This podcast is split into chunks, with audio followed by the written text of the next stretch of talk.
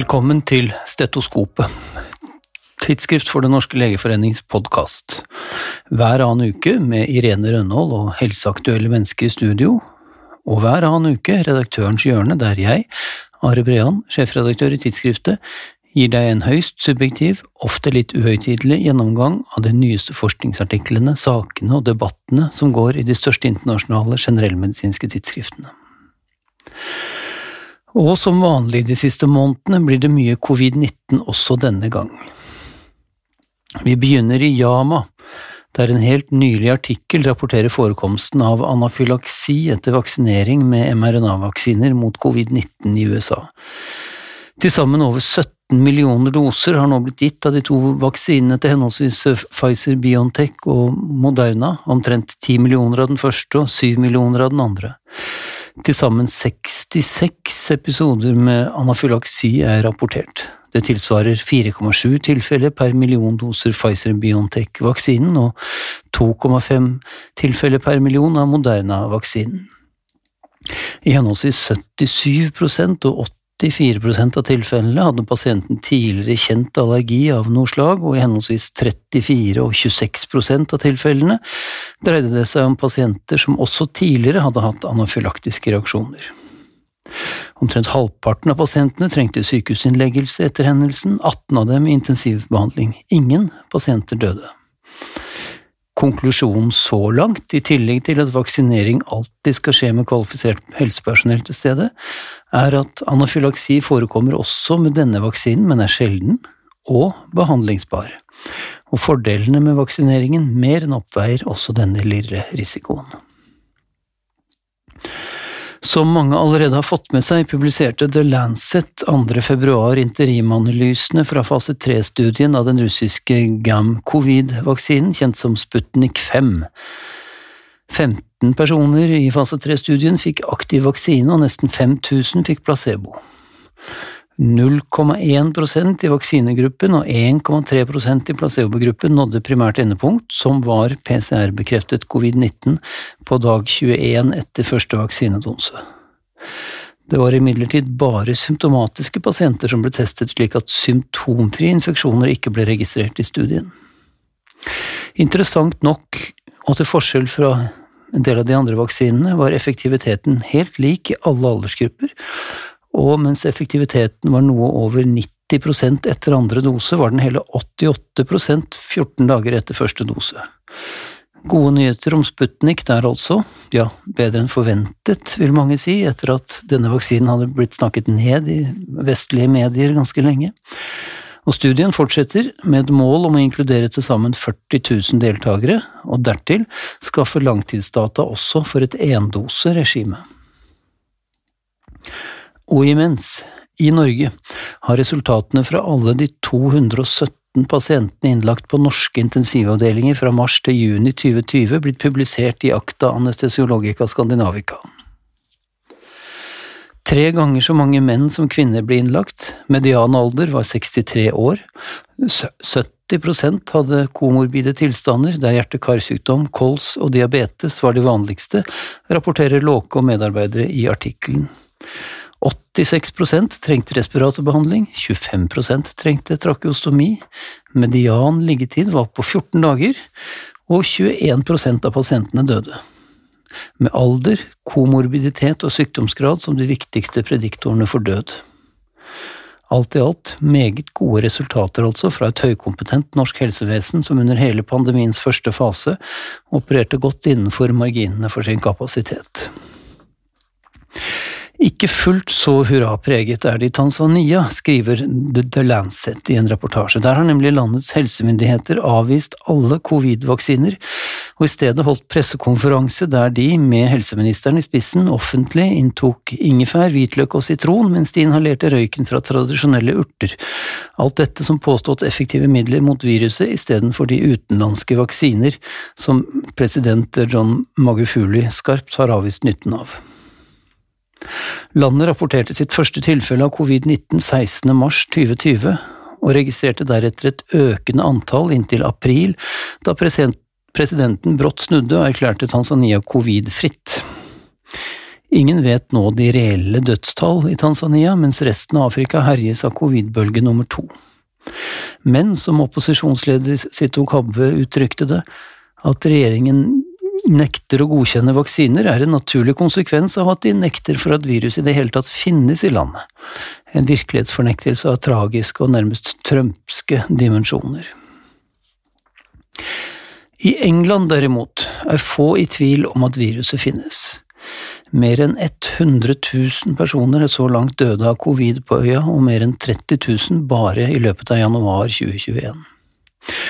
Og for noen dager siden ble den store randomiserte kontrollerte acitromycin-studien publisert i The Lancet med data fra nettopp England.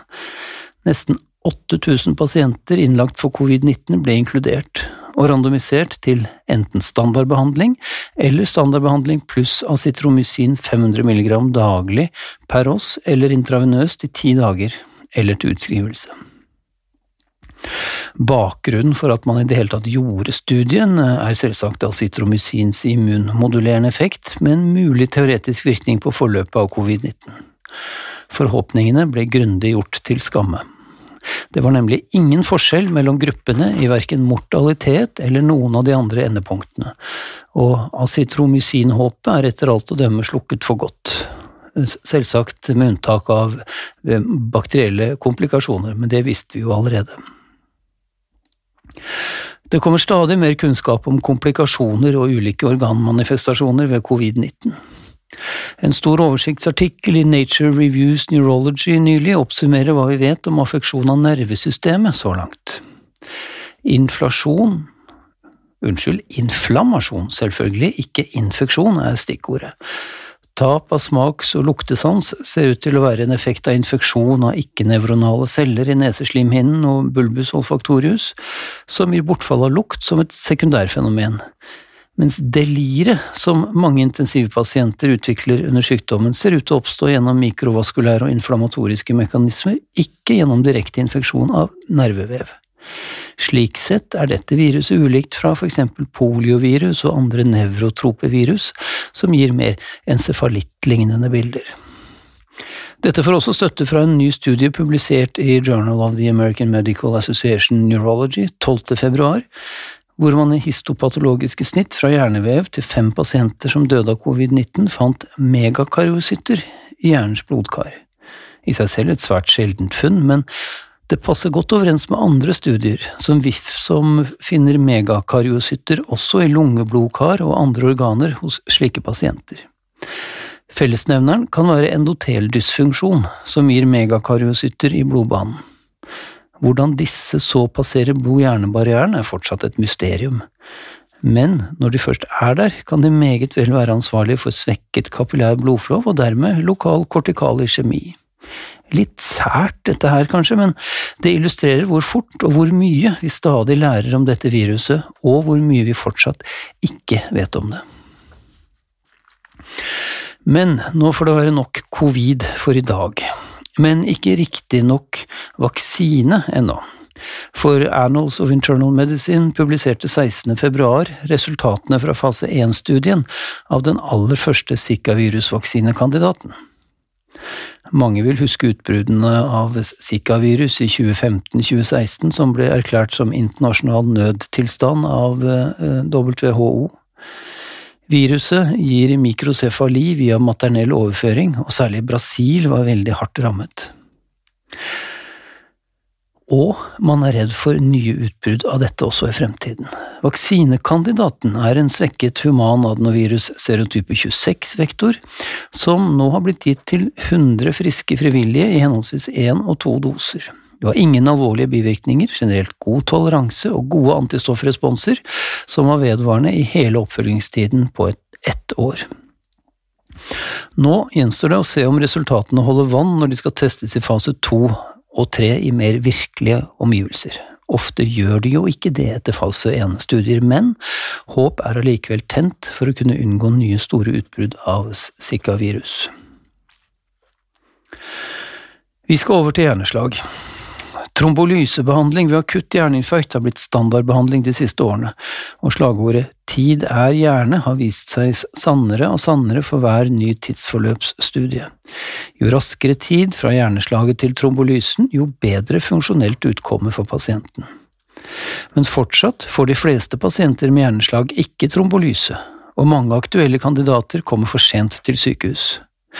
Det er også bakgrunnen for ideen om mobile hjerneslagenheter med CT-maskin i ambulansen.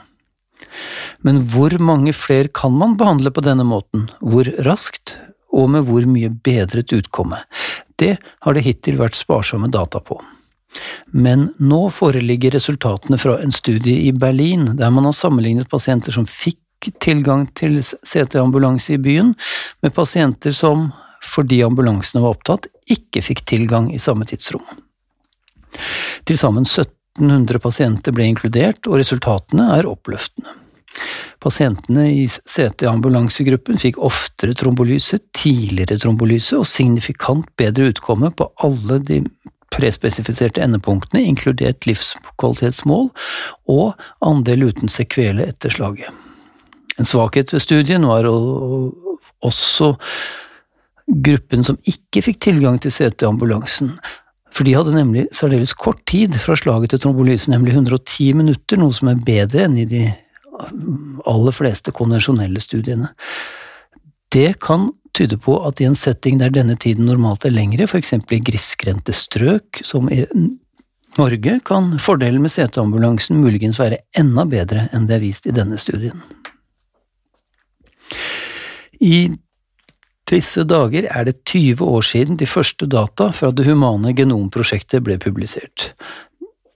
Nature feirer dette med intet mindre enn et jubileumsnummer. Det jubles med rette over fremskrittene som er oppnådd, men den korresponderende lederartikkelen i Nature er mer opptatt av hva man ikke har løst i løpet av disse 20 årene.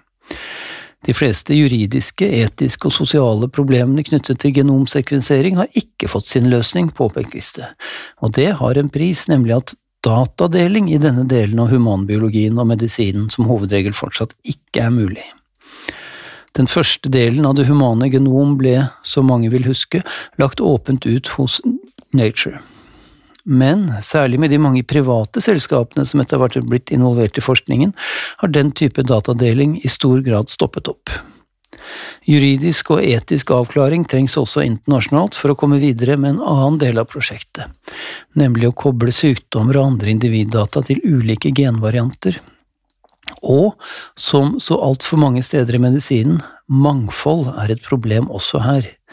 De fleste genomdata er på mennesker av europeisk avstamning som bor i rike, vestlige land.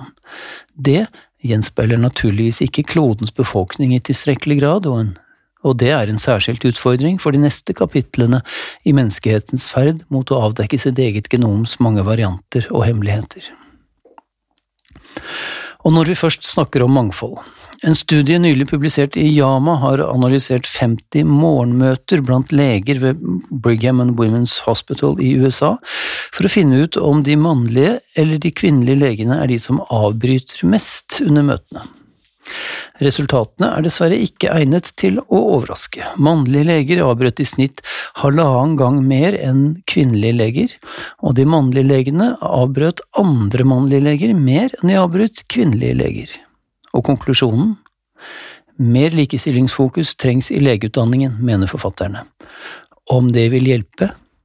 Tja, vi får avvente den første randomiserte kontrollerte studien, kanskje, og er resultatene eksternt valide nok til også å gjelde i Norge? Vi høres om 14 dager. I mellomtiden, legg merke til hvem av dine kolleger som avbryter mest på morgenmøtet.